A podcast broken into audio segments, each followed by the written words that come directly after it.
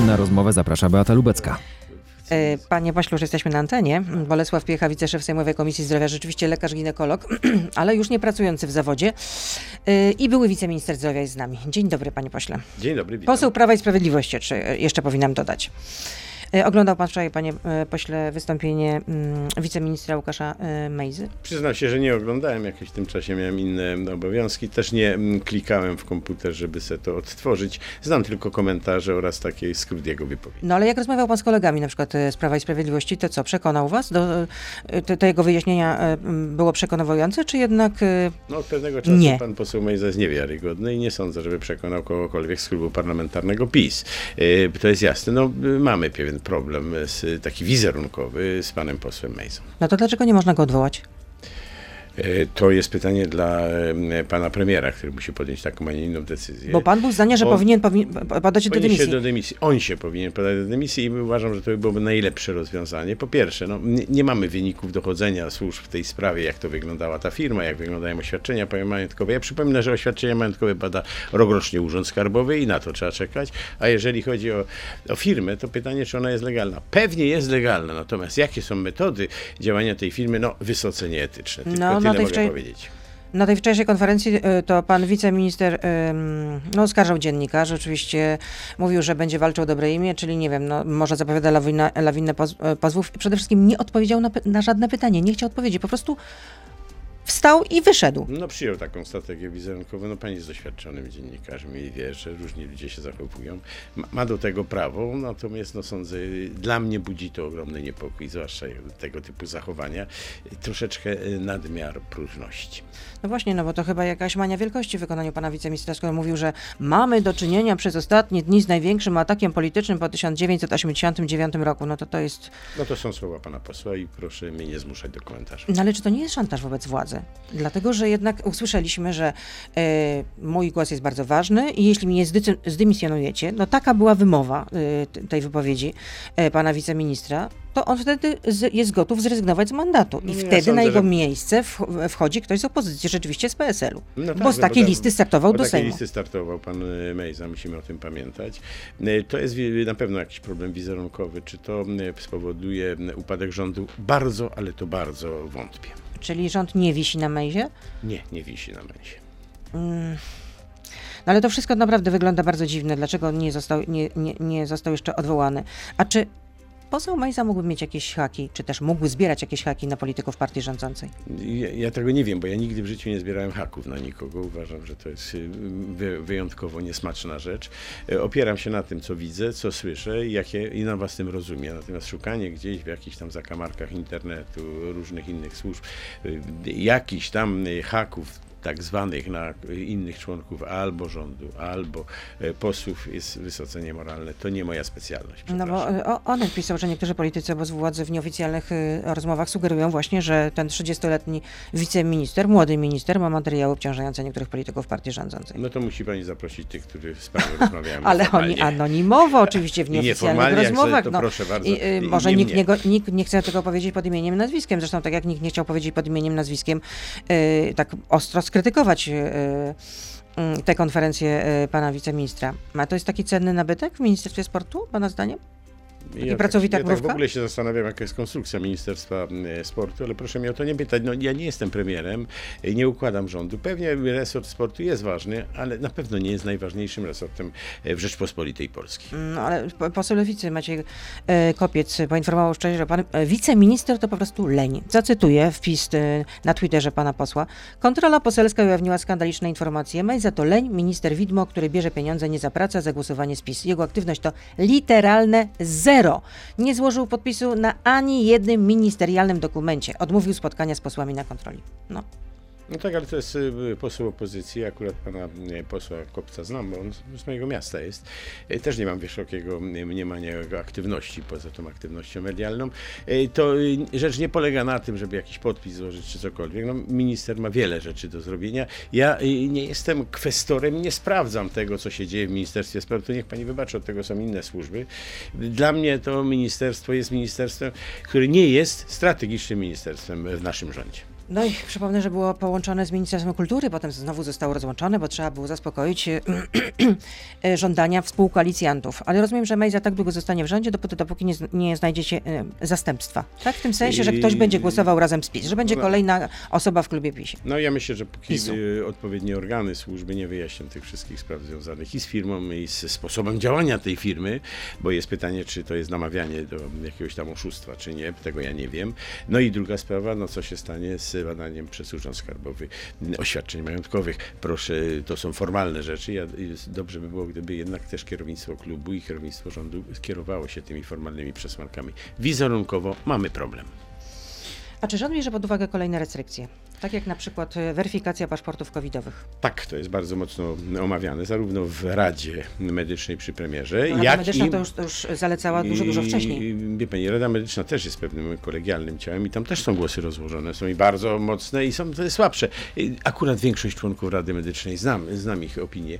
Natomiast że uważają, że należy wprowadzić weryfikację uważają, że należy covidowych. wprowadzić, ja też tak zresztą uważam, jestem lekarzem, uważam, że to jest dobra metoda. Ja wiem, że to jest pewien problem, ale ja bym się tego problemu nie bał. No, w innych państwach to funkcjonuje, jakoś nie widzę, żeby tam był zamęt z powodu sprawdzania em, tych zaświadczeń covidowych. Może być em, No niepokój. zamieszki, ale, ale no nie ale głównie chodzi- masowe. tak, bo to jest, wczoraj na przykład mieliśmy Komisję. Zdrowia dotyczące funduszu kompensacyjnego, ważnej ustawy, która pomaga troszeczkę przekonać nieprzekonanych, żeby się zaszczepili.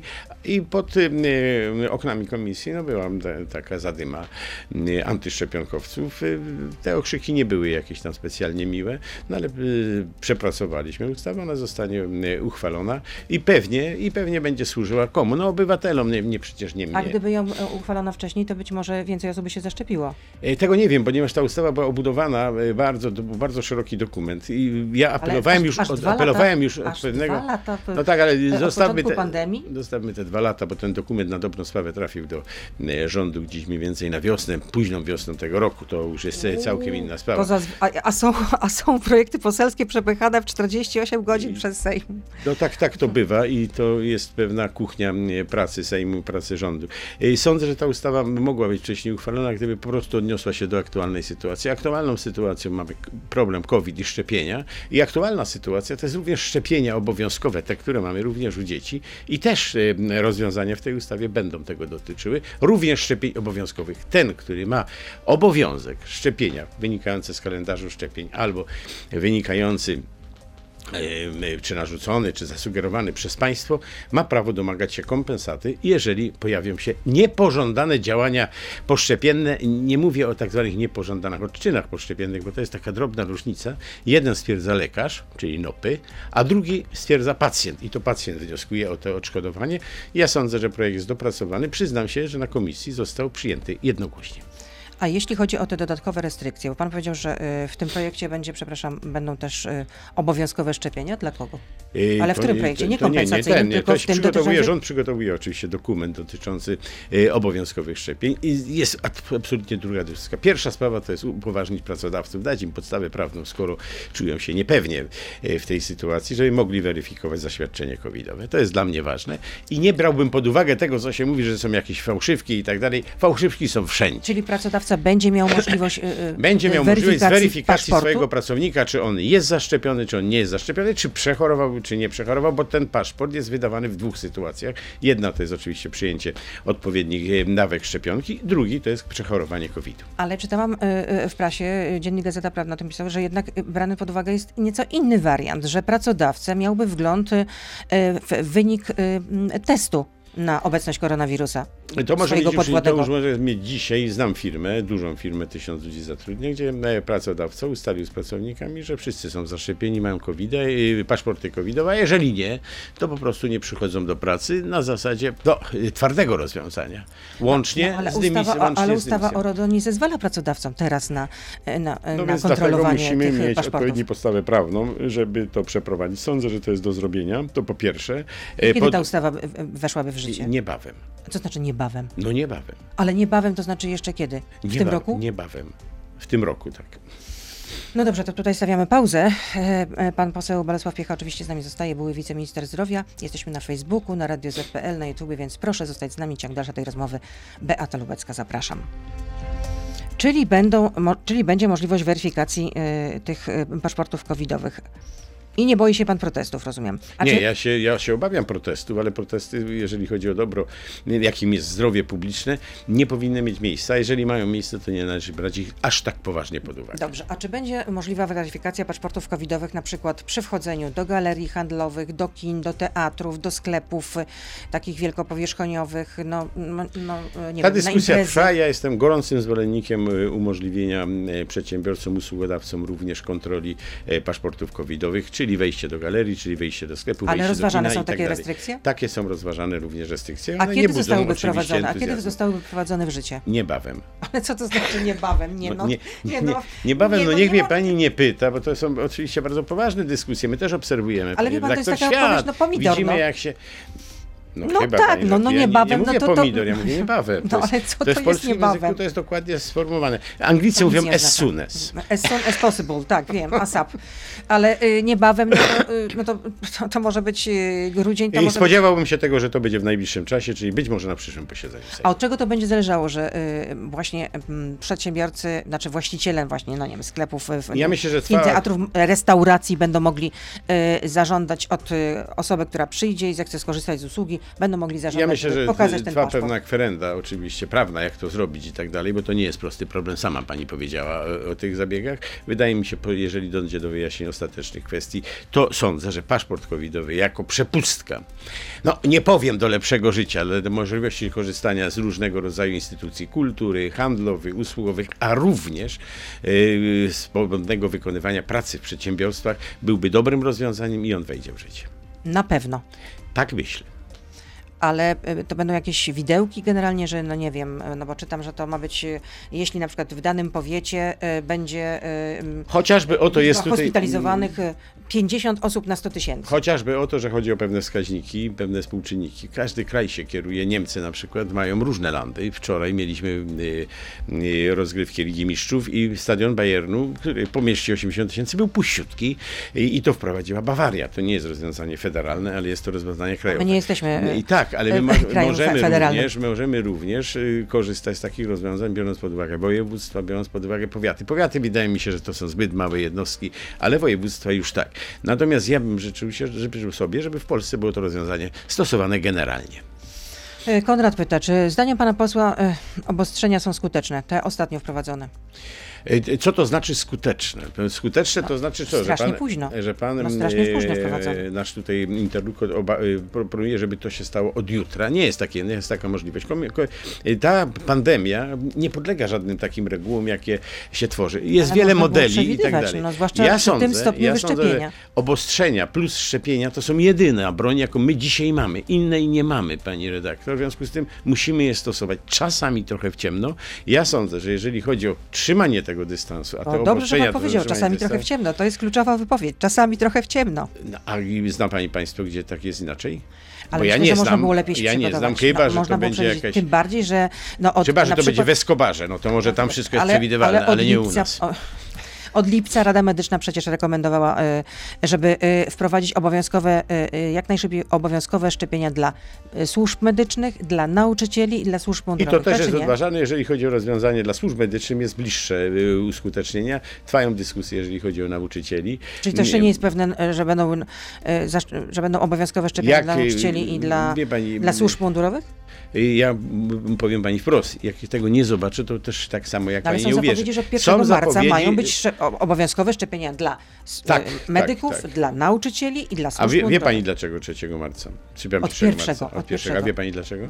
Dlaczego? Po to, żeby ta szczepionka zadziałała. Czyli ten y, akt prawny, który zakłada obowiązkowe szczepienia, będzie miał vacatio legis. Można się będzie do tego czasu zaszczepić i nie będzie można powiedzieć, nie wiedziałem, albo można powiedzieć, że liczyłem na inny termin. Czyli- Taka, taka jest reguła. W Austrii zastosowano podobne rozwiązanie. Też pokazano tam chyba jest 1 luty, że jest czas na to, żeby po prostu się zaszczepić. Tych niezaszczepionych w Polsce jest jednak bardzo, bardzo dużo. No bardzo, bardzo dużo. No, no, y, y, Nie wprowadziliście wcześniej takich ograniczeń, o, których, o które postulowała Rada, Rada Medyczna. Przecież nawet w rozmowie z naszą reporterką e, z Poznania, Danką Woźnicką, e, jeden z członków Rady Medycznej, profesor, mm, nie chciałabym przekraczyć, e, przekręcić nazwiska, więc sprawdzę zaraz. Tutaj profesor Jacek Wysocki powiedział, że kluczem do wprowadzenia jakichkolwiek rozsądnych obostrzeń jest sprawdzanie paszportu covidowego. Koniec, kropka. No. No, Rada Medyczna jest ciałem kolegialnym, y, y, y, jest ciałem doradczym, jak pani wie. Decyzję, No, a- decyzję podejmuje w Polsce premier. No ale to w takim razie czym się kieruje? No, Sondażami? kieruje się, kieruje się, PR-em? nie, nie, no, Może Centrum kieruje się Analiz... y, wieloma, kieruje się wieloma przesłankami, które płyną również ze sondaży, również z badania opinii publicznej, również z y, rad medycznych, również z tego, jak wygląda sytuacja w Czyli szpitalach PR jak i tak dalej. Czyli PR jest najważniejszy I, jednak.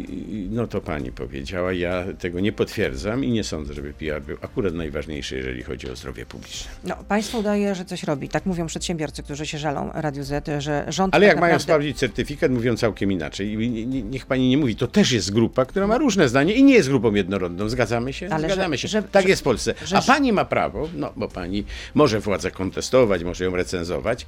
My kreujemy rzeczywistość, a pani ją recenzuje całkiem po prostu. Ma pani prawo wyszukiwać określone sformułowania i zachowania Ale teraz nie będzie pan uczył, jak powinna wykonywać swój zawód? Bo nie rozumiem. I Nie, ja tylko, ja tylko y, konstatuję pewne nasze tutaj rozmowy. No pani tak, to no- recenzuje. no dobrze, Mówię, że mamy to, są, które to nie są grupy Mamy wypowiedzi, które emitujemy na antenie, że rząd przerzuca odpowiedzialność y, za niski szczepień, y, za, za niski poziom szczepień na przedsiębiorców właśnie. No, nie, nie, chociażby. chyba pani żartuje, ja tego nie Tak. słyszałem nigdzie, Tak. to chyba, że są takie wypowiedzi. Ja nie Są. chciałem ex Są.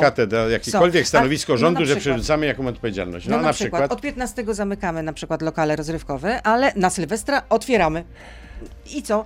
To jest, działanie, to jest działanie raczej społeczne, a nie działanie przeciwko przedsiębiorcom i nie jest to kontestowanie y, działalności przedsiębiorców, ani przerzucanie y, y, walki No tak, z pandemią na zorganizowanie. No e, nie, no. Sylwestra niczego, że tak powiem, nie zbawi przedsiębiorców, nie, nie, nie zbawi ani hotelarzy, ani Ale zamknięcie rozumie imprez. zbawi. Też nie. No, przecież znam różnego rodzaju ruchy, gdzie wbrew prawu otwiera się te e, przybytki kultury czy przybytki rozrywki. No tak to jest. No Boże Święty, jesteśmy w społeczeństwie demokratycznym. Gdyby było inaczej, to dawno bylibyśmy mieli e, musztrę rodem z e, Kim Il-sena z Korei Północnej. Tak nie jest. Jesteśmy społecznym No jeszcze społeczeństwem- tego brakowało. No społeczeństwem tego brakowało. demokratycznym No i mamy tego- wolność wypowiedzi i ta wolność wypowiedzi chociażby tu w gazetach, chociażby w e, tym prostym ur- urządzeniu, jakim są internet przebija. Czyli mówi pan, że to nie, to nie szef Rządowego Centrum Analiz decyduje. No a No nie, no on jest, on po no prostu... nie, Anonen właśnie on- donosi, że on- jednak sondaże przeważyły, y, że y, okazuje się, że jednak znaczna część społeczeństwa jest za tym, żeby wprowadzać restrykcje, więc... y, No, różne są te badania, pani je też chyba zna lepiej niż ja, bo ja to śledzę, ale pani pewnie zawodowo więcej. Wydaje mi się, że te sondaże są różne. Ja jestem przekonany, że zdecydowana większość społeczeństwa, jeżeli chodzi o szczepienia, jeżeli chodzi o obostrzenia, jest na tak. Zawsze będzie grupa kontestatorów. A na ile jest wasz y, klub podzielony? Prawo Prawa i Sprawiedliwości, jeśli chodzi właśnie o wprowadzanie takich restrykcji. No ja myślę, że jest grupa osób, którzy uważają, że kwestie lockdownowe łącznie ze szczepieniami są niewskazane. Y, To są tacy, którzy wierzą w jakieś takie y, naturalne y, rozwoje dziejów albo spiskową teorię dziejów. Nie podzielam ich poglądów. Y, Myślę, że to jest grupa kilku osób.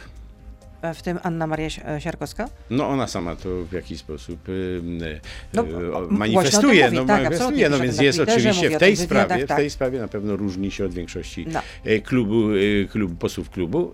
Ja ją nie popieram, nie rozumiem, przyznam się szczerze, no ale nie rozumiem wielu rzeczy. No, wolność obywatelska jest dla pani Anny Marii Siarkowskiej najważniejsza. No tak, wolność obywatelska to też anarchia, a ja sądzę, że wolność obywatelska i anarchia to znak równości, a zdrowie gdzie się publiczne gdzie to za- jest... Gdzie zaczyna się i gdzie kończy się wolność A to były te osobista. słynne stwierdzenie, takie, że tam, gdzie zaczyna się wolność drugiego człowieka. Ja sądzę, że dla mnie zdrowie publiczne i o to, jak będziemy funkcjonować zdrowotnie w obłożonych szpitalach, czy będziemy mogli się leczyć na inne choroby niż COVID, czy będziemy mogli normalnie pracować, czy dzieci będą się mógł, mogły uczyć w szkołach, zależy od tego materiału, od tej broni, który przeciwko COVID mamy. A mamy tylko sprawy dotyczące ograniczeń kontaktów, chodzenie w maseczkach, czy wreszcie szczepienia. Innej broni nie mamy. Nikt I nie, nie, nie sądzę, żeby w najbliższym czasie ktoś wymyślił lek cudowny jak penicylina. A nawet jak była wymyślona penicylina, to lata Bo pyta, są pytania od słuchaczy. Dlaczego rząd blokuje badania nad amantadyną? Nikt nie blokuje badań na amantadyną, one się toczą w dobrym, yy, yy, w dobrym tempie. Tylko tyle, że może efekt być badań nad tą amantadyną taki, jak niedawno Bioton chyba ogłosił badanie nad y, surowicą ozdrowieńców. Ja nie sądzę, żeby y, tego typu lek, jeżeli miałby y, istotne znaczenie w leczeniu covid był blokowany i nie był dopuszczony. I ja sądzę, że w laboratoriach toczy się walka o lek i gdyby ta amantadyba była numer jeden, to pierwszy, który z tego skorzysta, będzie ten przedsiębiorstwa, który ten lek produkuje. Natomiast takich wskazania są, były trochę szersze, są teraz ograniczone. Czy on ma działania przeciwwirusowe? Mi trudno powiedzieć, ale na pewno nie są to działania istotne, które miałyby wpływ na walkę z koronawirusem. A co w sytuacji, kiedy na przykład lekarz czy pielęgniarka nie będą się chcieli y, zaszczepić? No bo słyszymy, że zresztą Ministerstwo Zdrowia tak pisało na Twitterze, że obowiązek szczepień jest czymś innym niż przymus szczepień i nikt nie wprowadza przymusu szczepień. No to pani wie, że to jest to samo. To nie jest to samo, przecież to jest absolutnie inne. Możemy zrezygnować. A to nie jest synonim przymusu i obowiązek? Nie, nie, nie. nie. Obowiązek No dobrze, no jest takim razie- nakładany, no a to nie- przymus to panom doprowadzą gdzieś No tam. właśnie, no w kajdankach. To jest absolutnie kajdankach, inna tak? całkiem rzecz. Tu panią nikt w kajdankach nie doprowadzi. Natomiast oczywiście mogę panu No wyprowadzić z miejsca pracy gdzieś tam, gdzie obok. No, nie, nie, to nie jest to samo. Ja sądzę, że akurat to, o tym, co mówiłem, o tym przedsiębiorstwie, gdzie tysiąc pracowników pracuje i są w pełni zaszczepieni, to, były, y, to był y, duży obiekt służby zdrowia. Duży obiekt służby zdrowia. Szpital, tak? Dy- tak, dyrektor po prostu przekonał wszystkich, się zaszczepili. Ja y, pracowałem w szpitalu i byłem zaszczepiony na WZW B, Ale- pani, a pani nie była. Pani nie była, a ja miałem obowiązek się szczepić. Nikt mnie nie zmuszał. Mogłem zmienić zawód. Gdyby to się stało chociażby 21 lat temu, jak de facto nie wykonuję zawodu, to bym nie musiał się szczepić, mimo że jestem lekarzem, miałbym obowiązek. No ale co w takiej sytuacji, jeśli dany, dany medyk, e, lekarz czy pielęgniarka nie będą się chcieli e, e, zaszczepić, bo nie ma przymusu. To jest obowiązek, oczywiście. nie ma przymusu. No i zawsze tak będzie. Będzie obowiązek, nie będzie przymusu, nikt nie będzie nikogo w kajdankach doprowadzał do punktu szczepień i gdzieś go tam wiązał pasami, żeby go zaszczepić. Y, Może zmienić zawód, może pracować w administracji, gdzie ten kontakt z pacjentem jest mniejszy. Są różne rozwiązania. Są różne rozwiązania i ja sądzę, że jednak mm, jeżeli chodzi o służbę zdrowia i lekarzy, tam jest chyba 92-95% zaszczepionych, więc sądzę, że mamy do czynienia naprawdę z marginesem i ten margines, od tego marginesu, nie tak jak w przypadku Mejzy, y, że istnieje jakiś, że załamie się jakiś szpital. Nie załamie A się. czy, są, czy rząd przewiduje na przykład obowiązkowe e, szczepienia nie tylko właśnie dla tych trzech grup, o których wspomniałam, zawodowych? Ja myślę, że musimy czekać jednak na rozwój tej epidemii. Dzisiaj mamy nowy wariant koronawirusa Omikron. Nie wiemy, jak on działa. No Dokładnie być wiemy tylko, że on jest bardziej, że jest bardziej zaraźliwy, ale, ale- przebieg ale ma łagodniejszy, tak. Natomiast cała sprawa Przebieg polega na choroby. dwóch rzeczach. To pierwsza sprawa to jest obłożenie szpitali z tym najcięższych oddziałów, czyli oddziałów ojomowych. To jest katastrofa, jeżeli tam przebiera się ta miarka, bo wtedy y, ludzie, ci, którzy potrzebują normalnej pomocy z powodu otworu, zawału serca, W Warszawie na przykład w miejskich szpitalach brakuje respiratorów. Y, Z powodu tego, no, tracą y, niestety życie w kolejkach i tak dalej. To pierwsza sprawa. Druga rzecz, oczywiście, druga sprawa to jest tragedie, nasze życie gospodarcze. Proszę? No to są osobiste tragedie, Są tragedie i dlatego Przecież, do no, tego nie no, możemy dopuścić. No. No, no z tym- codziennie umiera z powodu COVID y, około pół tysiąca ludzi. No. Tak, to są y, zatrważające rzeczy. W związku z tym no, musimy wszystko zrobić, żeby ta fala jakoś opuściła i nie dopuścić do następnej, a będzie. A będzie. Jak ona będzie biegała? Czyli zbieramy też doświadczenia. Te doświadczenia dzisiejsze są trochę lepsze niż były y, w przypadku 500 zakażeń y, na, na wiosnę ubiegłego roku, prawda? Bo wtedy było, był totalny lockdown z tak zwanym słynnym już zamykaniem wejścia do lasów. No Natomiast to, był, to był idiotyczny pomysł, zamykanie wejścia do lasów. no wtedy troszeczkę, y, pani To redaktor, naprawdę, no to, nie, nie, to no była to nie- decyzja w ciemno. to nie Zdecydowanie to nie jest, w ciemno. To nie jest takie Nie, śmieszne, panie no, to nie jest takie to- śmieszne. Nie, no naprawdę. Po prostu wszyscy działaliśmy w panice. A ta panika jest panika. częścią, A, panika jest panika. częścią każdej, każdej infekcji. Ja troszeczkę o infekcjach i zarazach tak zwanych czytałem od y, starożytności do czasy współczesne. Zawsze ten element paniki, ten element silnych emocji się pojawiał, bo zarządzanie czymś, co w jakiś sposób umyka i naszej wiedzy, i naszemu doświadczeniu zawsze jest trudne i opiera się bardzo często na eksperymencie. No ale od polityków oczekujemy jednak chłodnej głowy. No to lasy się zamknęły. I wysokich kompetencji nic, intelektualnych Nic specjalnie się nie stało, chociaż no powiem szczerze, przyjęte nie było to najlepiej. No i trudno się dziwić. A rozumiem, że szczepienia obowiązkowe dla wszystkich to nie wchodzi w grę, tak? E, Tego nie wiemy, nie jesteśmy na takim rozwoju epidemii, żeby to zrobić. Próbowaliśmy oczywiście. No co by musiało się my wydać, dzisiaj, my dzisiaj mamy szczepienia obowiązkowe ochronne wszystkich? Nie tylko i wyłącznie dla dzieci w kalendarzu szczepień. Musiałaby to, to musiało być tak, żeby ten wirus zagościł się w takiej mutacji, że zawsze było bardzo zjadliwy i zawsze zbierałby śmiertelne żniwo. Wtedy, wtedy trzeba byłoby rozważać obowiązkowe szczepienia wszystkich. Do tego jest bardzo daleko. Myślę, że żaden kraj się na takie rzeczy nie zdecyduje. Myślę też, No że nie ma to? No potrzeby. są zapowiedzi, że, że w Niemczech mają być. Obowiązkowe szczepienia, No. ale to zobaczymy, jak z tych, co wyjdzie z tych zapowiedzi. Sądzę, że one będą jednak ukierunkowane na pewne grupy zawodowe. Mhm, że nie, nie wszyscy powyżej 18 roku życia.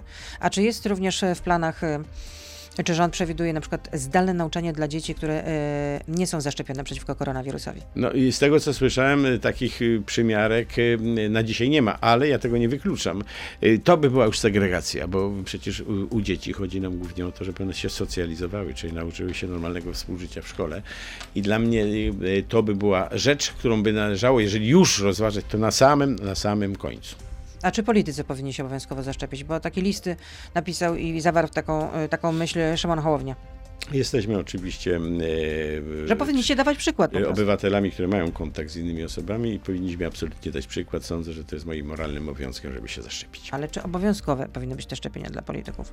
No, a co to znaczy polityk? Jak mi pani to zdefiniuje, to ja będę No, no szczęśliwy. chociażby parlamentarzyści. A, no już lepiej, tak. No, albo członkowie rządu. No tak, to A może nie lepiej. wiem, może też samorządowcy, no to też Ale jest to też tam są politycy, tam są i urzędnicy i tak dalej. Ja sądzę, że usługodawcy, czyli administracja publiczna powinna w pierwszej kolejności być w tych grupach poza służbą zdrowia, poza nauczycielami, poza służbami e, mundurowymi, w tej kolejce do obowiązkowych szczepień.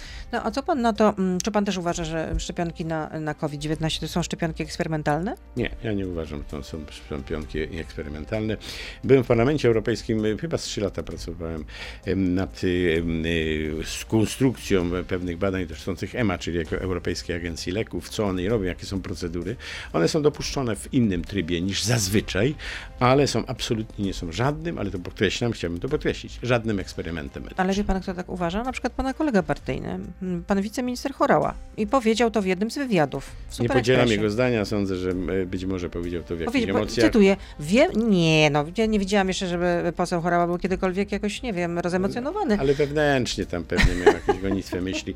E, Sądzę, że to Wiemy, nie, że nie są to to szczepionki eksperymentalne, a one nie przeszły takiego cyklu testowania więc jak zwykłe szczepionki. Jeżeli Co pan innego Chorała, pan minister Chorała wie, to niech mówi własnej osobie. Ja nie Tylko, podzielam sprawy, wiemy, Tylko, że bo wiemy jest, takich To jest rzeczy członek rządu, e, jeden z prominentnych polityków Prawa i Sprawiedliwości. Z jednej strony słyszymy, że e, są zachęty, żeby się szczepić. e, Premier się szczepi i pokazuje, że się zaszczepił. Też mówi szczepi Panie redaktor, no było to niefortunna, tutaj- była to według mnie niefortunna wypowiedź.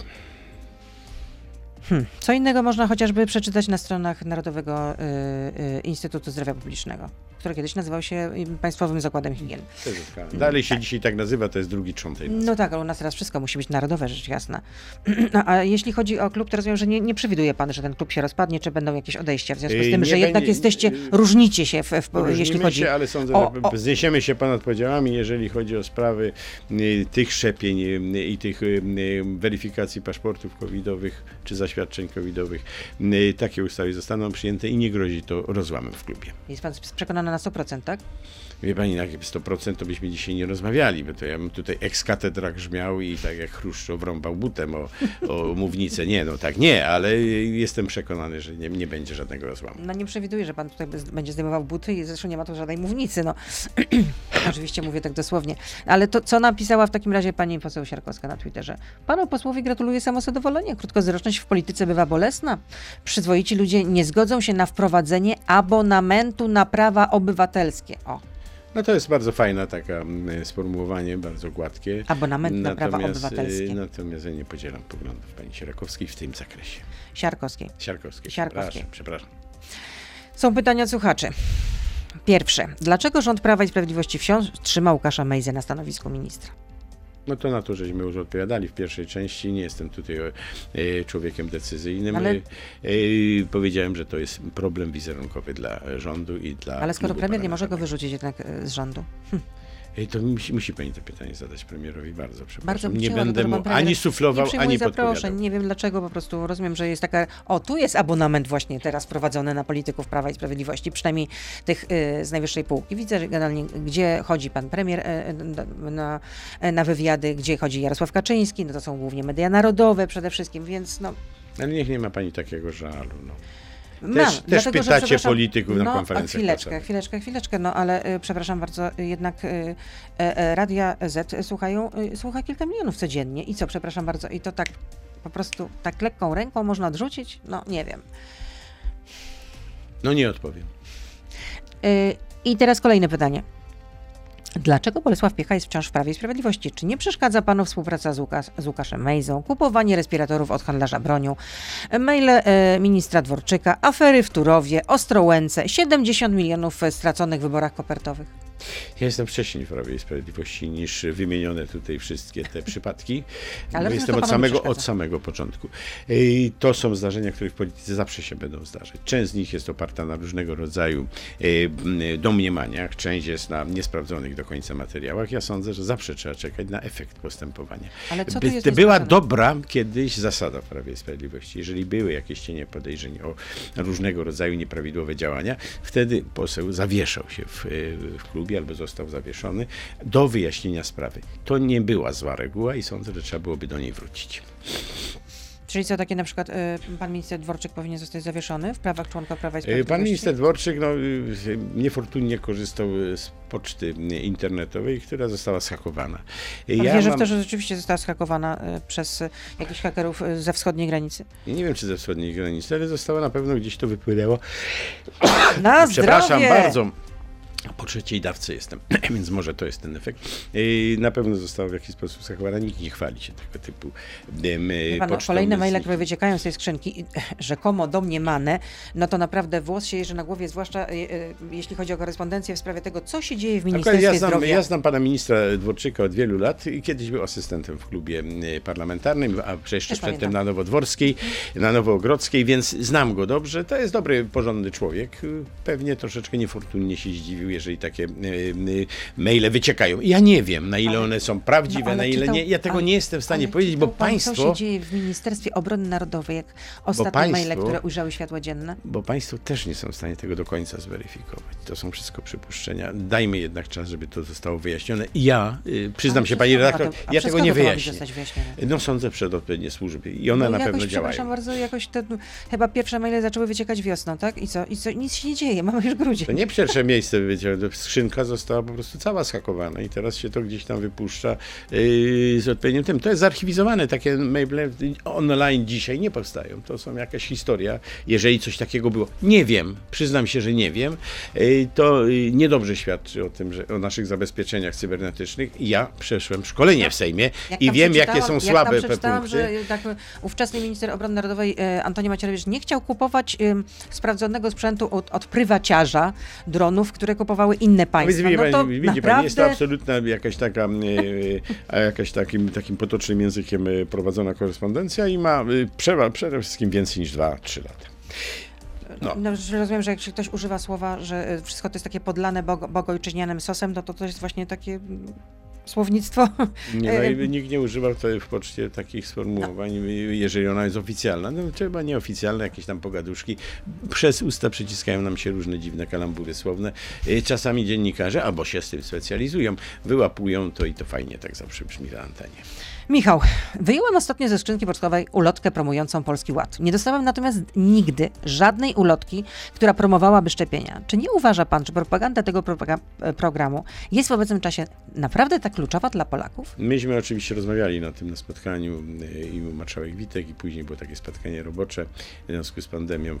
Ponad klubami uważamy, że ta sprawa informacji troszeczkę leży i wydaje mi się, że została niepotrzebnie odpuszczona, bo myśmy próbowali od, od, y, y, dać sygnał, że już trzecia fala pandemii y, to jest to, co nas czeka najgorszego. Myliliśmy się. Sądzę, że jeżeli chodzi o ulotki, tak powinno to mieć miejsce. Ja znam oczywiście statystyki, jak ludzie czytają ulotki, bo pani redaktor generalnie nie bardzo czytają. Ale jeżeli dotarłoby to No do często jednego, drugiego, od razu trze- już w- w koszu. 3% naszych obywateli ich przekonało, to byłby to sukces, a koszty nie byłyby wielkie. No właśnie, bo można e, promować Polski Ład, ale już szczepień niekoniecznie w ten właśnie sposób. Jacek pyta, a może po prostu O, proszę nie patrzeć na zegarek, jeszcze mamy, jeszcze mamy chwilę.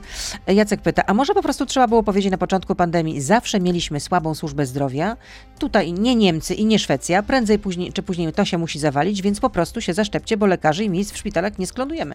No i przede wszystkim nikt nie ogłaszał, że mamy bardzo silną służbę zdrowia. My mamy służbę zdrowia doskonale wykształconą, my mamy wspaniałych lekarzy, mamy wspaniałe pielęgniarki. Jest ich za mało. Y, Zdecydowanie Jest, za jest mało. ich absolutnie za mało. Mamy oczywiście pewne braki, wcale nie takie małe dotyczące wyposażenia szpitali. Pewnie mamy kwestie dotyczące gospodarki zarządzania tymi szpitalami, tak i całą ochroną zdrowia. Mamy wiele mankamentów. To nie jest służba zdrowia bunta stanu, tylko europejskiego państwa. To nie jest y, służba zdrowia, która lokuje się na szczycie zorganizowanych jednostek y, służby zdrowia czy ochrony zdrowia w Europie, ale jest taka, jaka jest. Tak, y, nigdy nie mówiliśmy, że mamy coś wspaniałego, od którego wszyscy powinni się uczyć. Nie. Wojciech, czy nie przeszkadza panu, że prezydencki projekt ustawy w sprawie aborcji leży od prawie roku w Komisji Sejmowej i w ogóle nie jest y, procedowany? Czy może pan w tej sprawie się zainteres- zainteresować się tą sprawą jako poseł, a i także jako lekarz ginekolog? Więc y, muszę powiedzieć, że ten y, projekt prezydencki jest dopracowywany. To jest bardzo trudna sprawa, bo chodziło o y, wynumerowanie przesłanek y, embryopatologicznych. Nie jest to prosta sprawa. Y, Sądzę, że... y, Że w tej ustawie szczegółowo by za, byłoby no, zapisane, w by było, jakich przypadkach można dopuścić Trzeba by było, do, to wyko- trzeba- dokonania aborcji? Właśnie z czym się trzeba zmierzyć, jeżeli już, jeżeli chodzi o doprecyzowanie A tej kto to doprecyzował? Doprecyz- Tylko mogą, mogą to tylko zrobić fachowcy. No, chyba pani wybaczy, nie będzie, nie będzie tego robił poseł, a ja jestem posłem od 20 lat, nie praktykuję, w związku z tym mam wiedzę, ale nie jest to wiedza ekspercka i, i proszę mi wierzyć. Y, Przyjdzie czas, będziemy rozważać. Póki co, y, póki co są różnego rodzaju zwroty, ale ta ustawa y, antyaborcyjna, która ostatnio była, no była niestety ustawą niepożądaną, niepotrzebną, powiem wprost, głupią. Y, Zrównującą aborcję z, z zabójstwem, tak? Tak. I która wysyłałaby do więzienia Tak, kobietę głupią. albo lekarza. Była głupią ustawą. No tak, ale tutaj mówimy to, czy, ta, czy w ogóle to jeszcze będzie w, w tej kadencji ma szansę w ogóle ta, y, ten projekt prezydencki poprawiony, jak pan mówi, bo tam musi być po prostu szczegółowo rozpisana ta mapa. No, musi być Jakie przypadki mogą tak. brane być pod uwagę? Czy w tej kadencji jeszcze taki projekt może zostać uchwalony? No zaskoczę pana, nie wiem.